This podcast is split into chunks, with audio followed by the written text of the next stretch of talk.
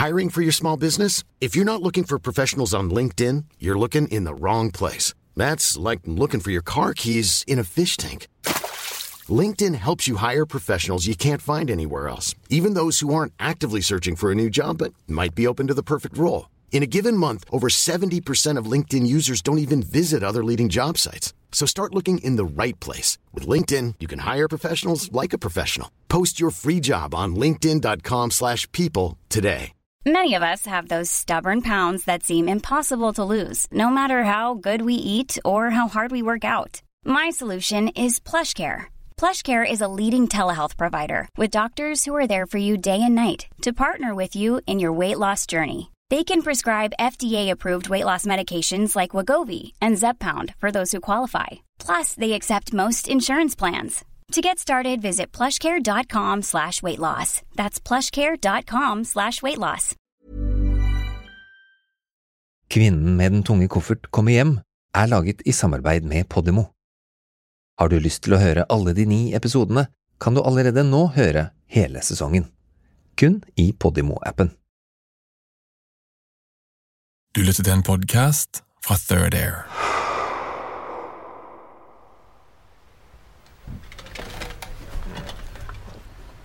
Ok, nå forsøker jeg å gå gjennom vinduet. Jeg er på vei ut av et vindu i andre etasje og over et tak. Forsiktig med takpanne. Ikke fordi jeg vil, Åh, og så hoppa helt ned her. Skibus. men fordi det kanskje finnes et svar her. Noe jeg ikke får helt til å stemme. Altså, det er ganske langt. Det er langt, skjønner du, for eh, jeg er 1,60 Det er ikke bare langt ned fra taket, for vi er på ei hytte i skogen. Så det er jo langt fra folk. Men eh, grunnen til at jeg er her ute på taket i andre etasje, er fordi noen forsvant ut av et vindu i rommet bak meg. Og jeg får det ikke helt til å gå opp. Det er derfor jeg forsøker å ta mot til meg, for å hoppe. Det er nemlig her sporet leder. Ut av vinduet, over taket og ned til bakken to og en halv meter under meg. Jeg tror at jeg skal legge igjen opptakeren på taket før jeg hopper. Sånn. Skal ikke ødelegge den.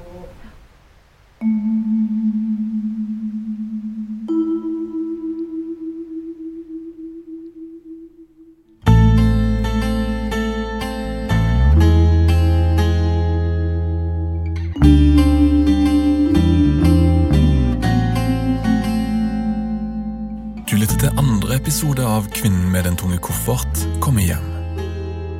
Som vi har kalt et lukka rom-mysterium.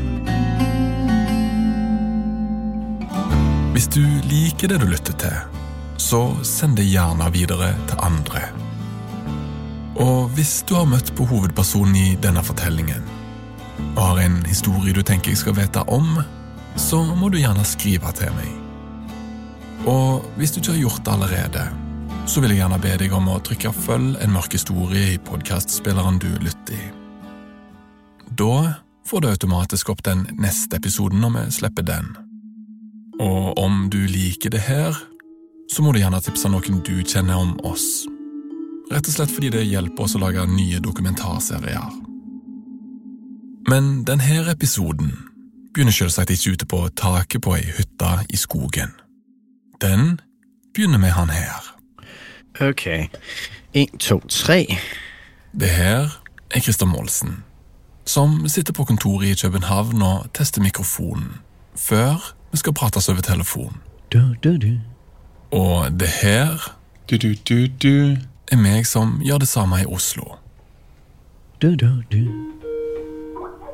Hei, Christer. Hello, there you are. How are things in Copenhagen? They're pretty good. Grunnen til at jeg ringer Christer, er fordi han kjenner hun jeg har fulgt fotsporet til ut på taket, mye bedre enn meg. Og han har levd med historien i sju år. Det her er historien han rett og slett aldri klarer å slippe. Det går rett og slett an å si at Christer er lettere obsesst med kvinna med den tunge koffert. Og når en lever med en sånn historie lenge, så ender en opp med ganske mye materiale. But I, you know, I'm sitting here with the material in front of me. Also dokumentasjon.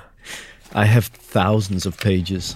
I mean, seriously, th- I have a box full of material on the woman with the heavy suitcase, as I called her, Marie Madeleine Larsen or Marie Madeleine Steen, or you know, she has twenty different names probably. Små ting eller puslespillbiter om du vil.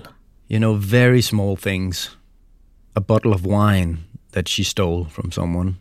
Hver for seg så sier de noe om de forskjellige svindlene. or a a ticket for Roskilde Festival that she sold that didn't work, of course. Men når du setter alle de små betene sammen, så sier de ikke bare noe om henne i øyeblikket. De forteller historien til et helt liv. You know, I have a timeline of, of the tricks that I found, and there's pretty much no holes in it other than when she's in prison. Do you know how many times she's been sentenced in Scandinavia? Because I think the first one in Norway, the first court case, is um, in 1992. Yeah, I know. Yeah, she's been at it for a long time. I think it's 10 or 11 court cases that I have found in Denmark, Norway, Sweden. My God. Yeah. The ones I've seen, they end up with a year, maybe two in prison every time. And when she comes out, Yeah, she goes right back at it. So this is what she does. This is how she lives. This is how she makes her money. This is how she finds a place to sleep. This is her entire life. the way she goes to sleep, huh? yeah. Uh, there are, you know, three binders which are completely filled with material. Og nå vil Christer gi alt det her til meg. and it's going to take you weeks to to dig yourself into this hole that you know that I was in. Greia er at Christer lager en podkastserie om henne i Danmark i 2016. Men eh, etter de sendte siste episode, fortsatte tipsa fra lytterne å komme inn. You know, people who met her, people who were fooled by her, Alt det her har han tatt vare på i flere permer. and and a lot of them are from Norway. So I'm going to give that to you as well. Okay, perfect. All the stuff from Norway, I haven't been down that road. Det er uendelig mange tips. Mange flere enn jeg noen gang vil klare å dukke djupt inn i. Men det er særlig ett tips som får meg til å stoppe opp. E-post fra Amalie Lyngesen. Ei dansk jente ute i skogen. Kikkutstua turisthotell. Mia Larsen. En trillekoffert på ei skiforeningshytte. Midt på vinteren. Hei. Um, jeg kom til bestyreren på Kikkutstua. Et lukka rom-mysterium. Nei, altså um, Grunnen til at jeg ringer, er fordi jeg leter etter en person som ser ut som dukka opp hos dere i 2018.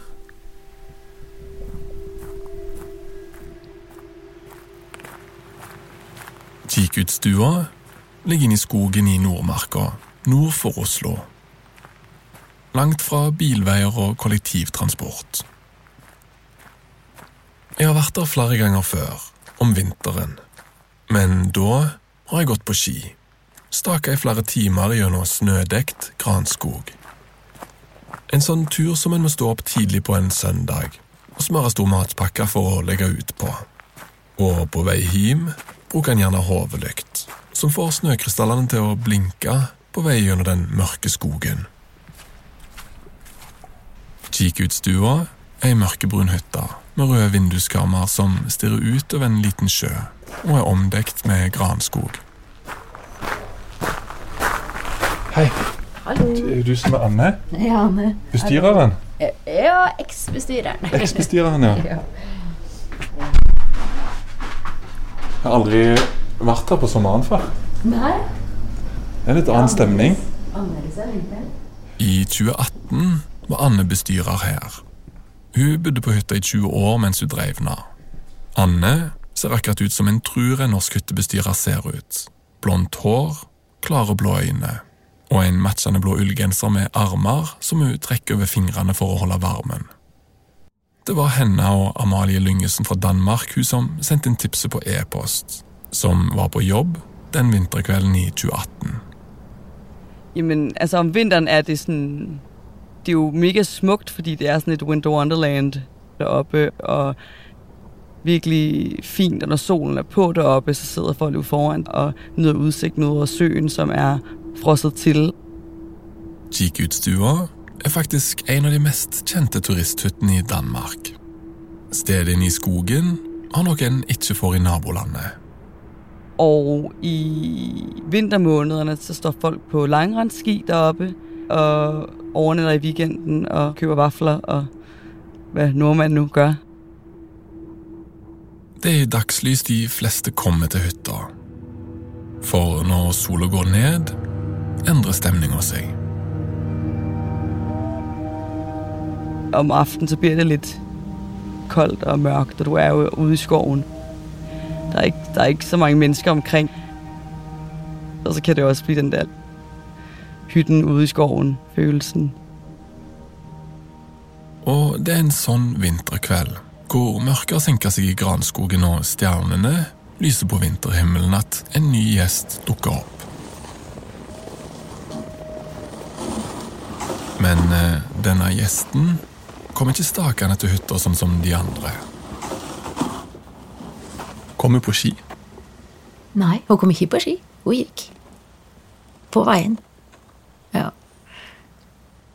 Hvor langt må en gå for å komme hit?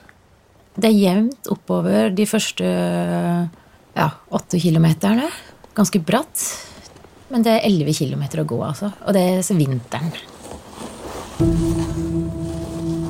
En gåtur til fots på 11 km over snødekt vei. Det er kanskje ikke så spesielt i seg sjøl. Men så er det det at kvinna drar på en tung trillekoffert.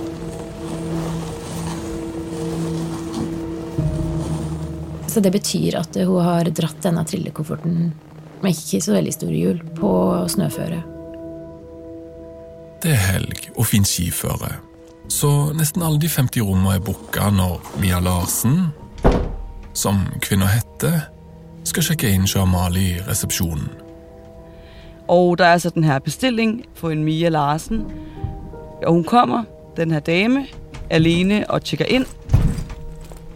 Kvinna setter trillekofferten fra seg i resepsjonen. Børster snø av skuldrene på den svarte kåpa og legger to store hender på disken. Og ser på Amalie. For det viser seg å være et lite problem. Hun har så ikke betalt depositum, som gjestene normalt har, når de kommer. Den nye gjesten tror kanskje hun vet hvordan denne misforståelsen kan ha oppstått. Og hun forteller meg så, at hun har fått det i gave, så hun visste ikke noe om det depositumet. depositum.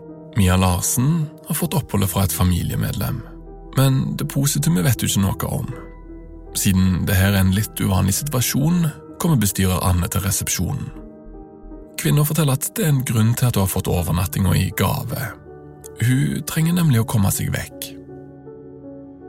Hun sa til meg at hun hadde en veldig pleietrengende mor, og så var jeg veldig sliten av det og trengte en avveksling eh, fra dette. Og lurte på om vi hadde rom to netter. Ei eldre kvinne som trenger å hente seg inn. Hva skal hun gjøre om hun ikke får et rom?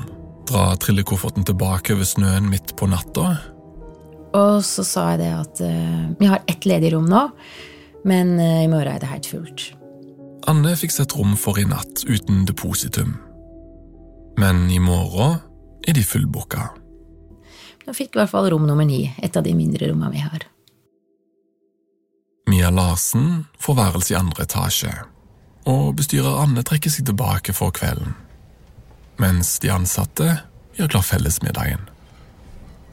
Vi er tre på arbeid, meg og Rosa, som er dansk, og så Erik, som er svensk.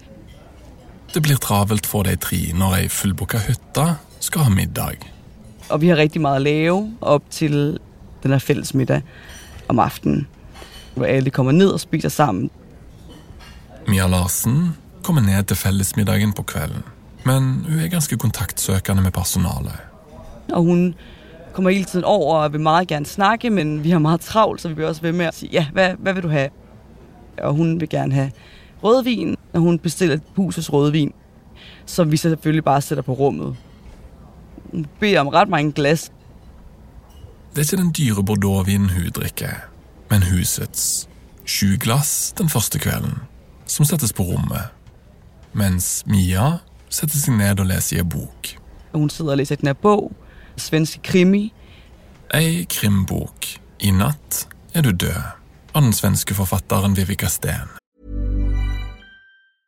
Ryan Reynolds here from Mint Mobile. With the price of just about everything going up during inflation, we thought we'd bring our prices down. So to help us, we brought in a reverse auctioneer, which is apparently a thing.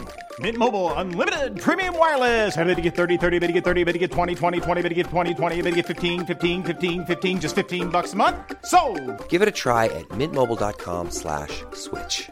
$45 upfront for three months plus taxes and fees. Promo rate for new customers for limited time. Unlimited more than 40 gigabytes per month. Slows. Full terms at mintmobile.com.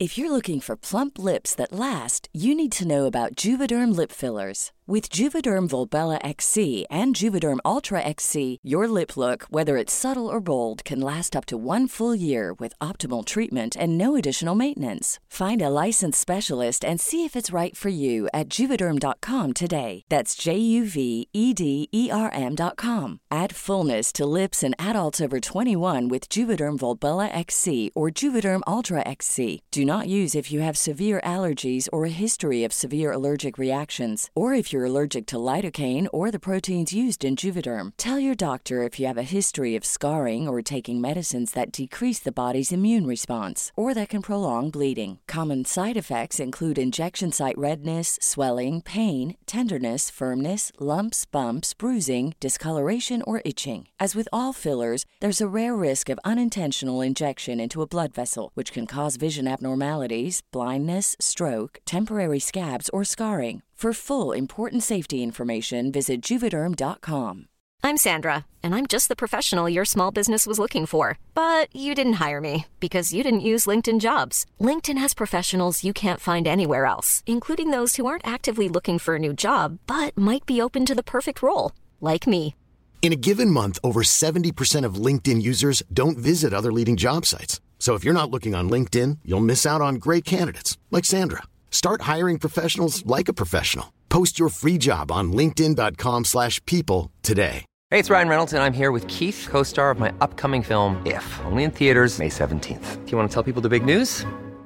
All right, I'll do it. Sign up now and you'll get unlimited for $15 a month and six months of Paramount Plus Essential Plan on us. Mintmobile.com slash switch. Upfront payment of $45 equivalent to $15 per month. Unlimited over 40 gigabytes per month. Face lower speeds. Videos at 480p. Active Mint customers by 531.24 get six months of Paramount Plus Essential Plan. Auto renews after six months. Offer ends May 31st, 2024. Separate Paramount Plus registration required. Terms and conditions apply if rated PG.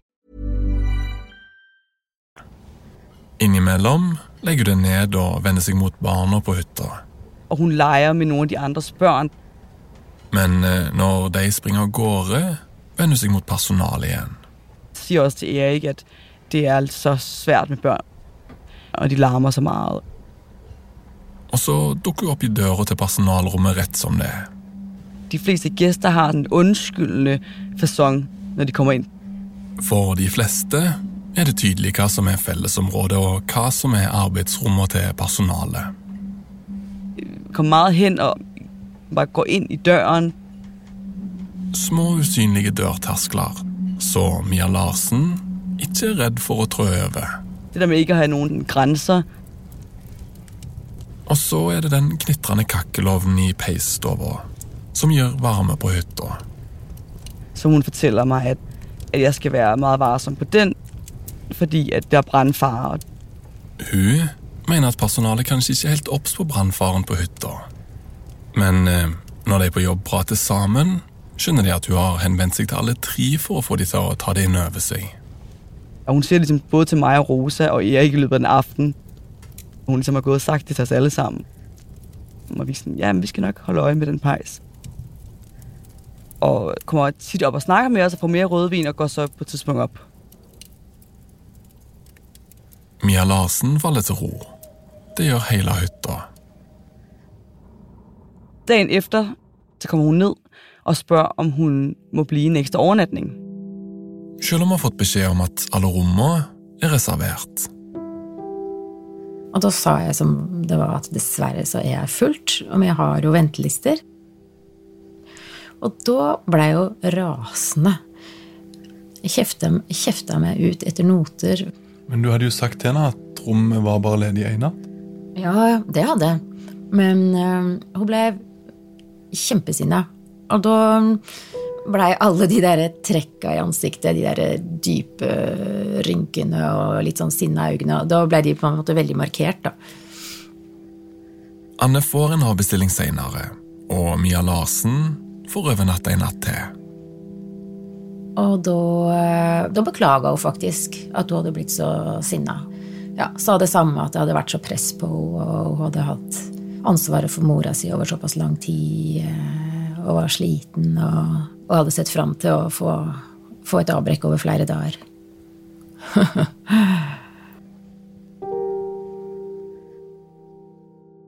Det alvorlige rynken i ansiktet til Mia Larsen glatter seg ut igjen når hun får beholde rommet. Men eh, neste gang personalet kommer til nummer ni, er det noe annet de stusser over. Trillekofferten er åpen, men det er ingen som legger merke til hva som er i den. For det er noe annet som fanger oppmerksomheten. Hvide, de her hvide trusser, der henger, altså vasketøy hun har hengt opp på værelset, Hvordan det har gått til, gir ikke helt mening for personalet. hvor hun vasket henne, har hun gått inn i vores vaskerum. Det er da litt sjovt at gjøre når det er en overnatning. Gjestene på Kikut er der bare en natt eller to. De pakker med seg det de behøver, og har liksom ikke behov for å vaske klær mens de er der. Det har jeg aldri opplevd før. Men igjen, vi synes bare, hun er litt ja, en sjov type, tror jeg. En litt morsom eller, ja, annerledes type enn det de er vant til. Det er ikke rart Amalie tenker det. Og kanskje nettopp derfor reagerer de heller ikke når Mia Larsen ikke kommer ned til frokost neste dag. Men igjen, hun har også fått meget rødvin, så vi tenker måske hun bare gått kold opp på værelset eller andet. Hun kommer heller ikke ned enda en time seinere, når personalet skal gjøre klar rommet for dagen. Og da pleier vi å se på nøklene, om de er levert eller ikke. Til slutt henger alle andre nøklene der, bortsett fra nøkkel nummer ni. Så bare, da må vi bare banke på. Bare høre om hun vil komme.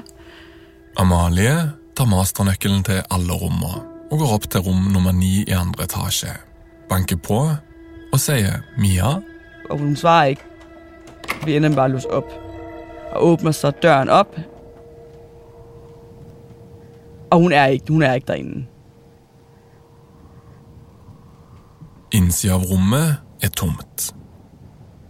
Ingen Mia Larsen, hvite truser eller trillekoffert. Men eh, det lille vinduet står på vidt gap. Og så ligger det tre ting igjen på rommet. Nøglen ligger så på sengen, sammen med den bog, hun leste, hun døde i nat, og en lille seddel, hvor der står, jeg overgår ikke mer'. Og så er der litt sånn litt blodigt på lanet. Et rom som er låst. Nøkkelen ligger på innsida, sammen med ei krimbok med tittelen I natt skal hun dø. En håndskreven lapp hvor det står Her er det for mye bråk. Jeg orker ikke mer. En flekk blod på lakenet og et åpent vindu. Først sprer panikken seg på å kikke ut, og særlig for svensken Erik som er på jobb da. Han ser den nærmest som en selvmordsting, altså hun har drukket sig selv i søen, og Erik får panikk. Har den ene gjesten tatt sitt eget liv? De to går bort til det åpne vinduet. Og, og vi går liksom hen til vinduet, og sådan, hvad, hvad, altså, hvad fanden har hun har hoppet ud af vinduet?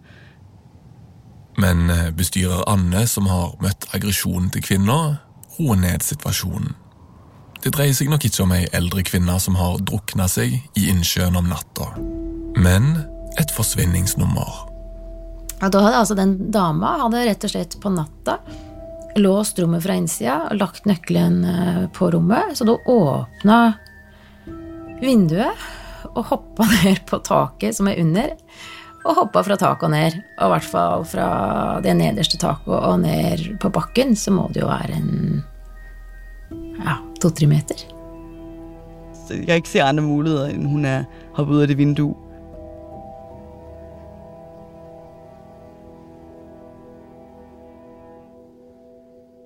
I 2018 var kvinner med den tunge koffert 58 år. Kan hun virkelig ha hoppa ut av vinduet? Det hele høres så usannsynlig ut. Jeg spør han om å få se rom nummer ni i andre etasje. Ned en brun gang. Her ser du det er litt mer sånn slitt gulv. Men det lukter grønne såpe av gulvet. Ja, det lukter reint. Og rom nummer ni, eh, siste rom på høyre hånd. Den gamle avdelingen. Her, ja. Hvitt rom. Ja. Kan hun ha kommet seg ut på en annen måte? Og her kan du låse fra innsida. ja, det kan du. Og nøkkelen lå igjen. Nøkkelen lå igjen. Så det er ingen måte hun kunne ha låst etterpå. Nei. Lagt nøkkelen godt på utsida, og så låst fra utsida med en annen nøkkel. Nei, det kunne hun ikke. Fordi at eh, inngangsdørene de låser vi eh, om natta. Og de var, så vidt jeg vet, låst dagen etterpå. Det var bare den ene nøkkelen som lå på innsida, utenom masternøkkelen som Amalie låste opp rommet med. Om natta er det en våken brannvakt som ikke hørte noen gå gjennom gangene med trillekoffert. Dessuten var selve inngangsdøra til hytta låst neste morgen. Det absurde er at når en legger puslespillbitene sammen, så ser det faktisk ut som det bare er én vei ut av rom nummer ni den natta. Det, dette er vinduet som sto åpent. Ja. Like under vinduet går et kort tak med svarte takpanner en må over før en kan hoppe ned til bakken. Det er ganske lite vindu må komme seg ut av. Ja, det er veldig lite vindu. Hvor høyt vil du si at det er ned? To meter? Jeg vil si at det er høyere enn to meter. Du, kan jeg få prøve å komme meg ut den veien som Ja. kom ut? Det kan du gjøre. Men det var snø, så det er klart at eh, Ja, selvsagt. Du får ut og sjekke. Ok, nå forsøker jeg å gå gjennom vinduet. Vær Forsiktig med takpannene. Åh. Og så hoppe helt ned her. Skibus. Litt bort.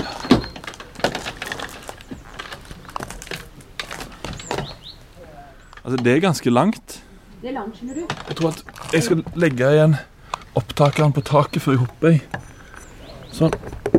Så jeg ikke ødelegger den.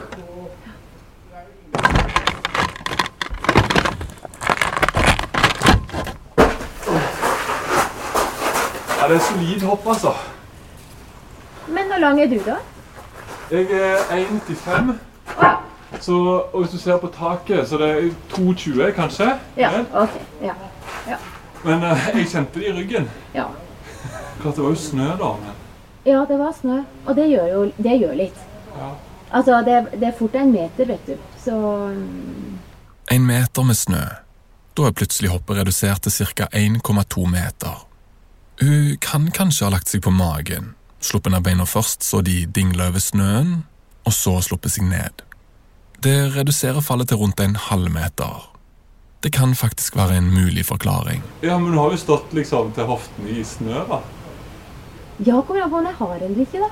Ja, Den kan være hard, og den kan være helt eh, mjuk.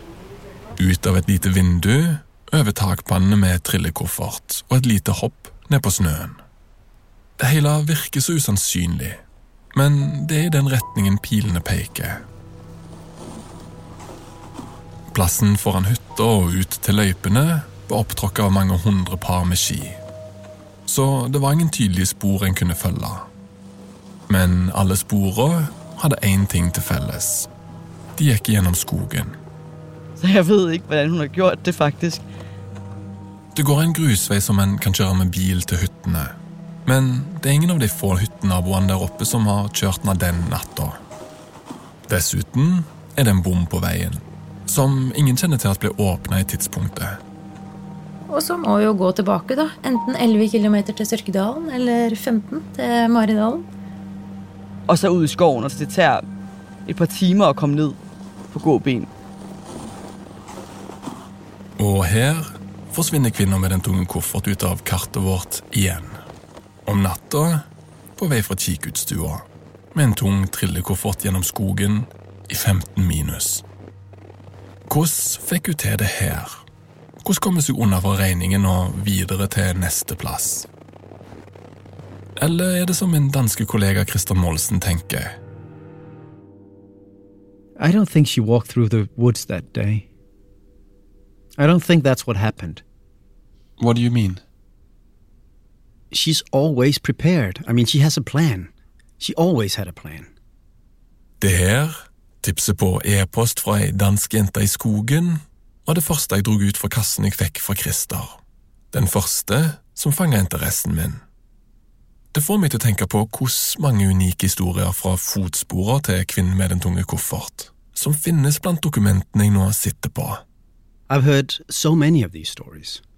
For eh, som alltid ser ting annerledes ut når en ser nærmere på de. For you, this might be the end of a story, her walking into the woods and disappearing, but for her, it's the beginning of the next story. This is how she works. This is her modus operandi. Hvis det finnes et modus, en metode i det som på overflaten ser ut som et kaos, hvordan gjør hun det her da? Eller etter å ha gått gjennom dokumentene jeg fikk tilsendt fra Christer, puslespillbetene fra en 30 år lang karriere som svindler. Hvordan gjør hun det her hver gang? That I know about. That I have been studying for years, actually, how she works.